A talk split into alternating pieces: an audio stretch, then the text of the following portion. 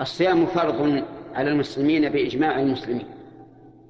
ومرتبته في الدين أنه أحد أركان الإسلام الخمسة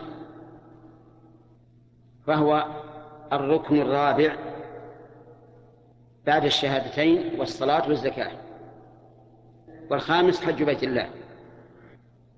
وفرض في السنة الثانية من الهجرة بالإجماع.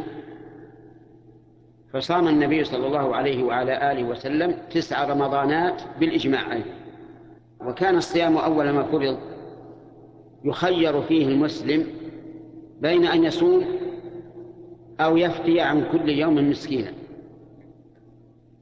يطعم مسكينا عن كل يوم. لقول الله تعالى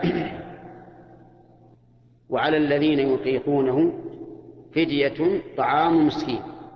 فمن تطوع فهو خير له وأن تصوموا خير لكم إن كنتم تعلمون. ثم نزلت الآية بعدها فأوجب الله تعالى الصوم عينا بدون تخيير فقال شهر رمضان الذي أنزل فيه القرآن هدى للناس وبينات من الهدى والفرقان فمن شهد منكم الشهر فليصم ومن كان مريضا أو على سفر فعدة من أيام أخرى.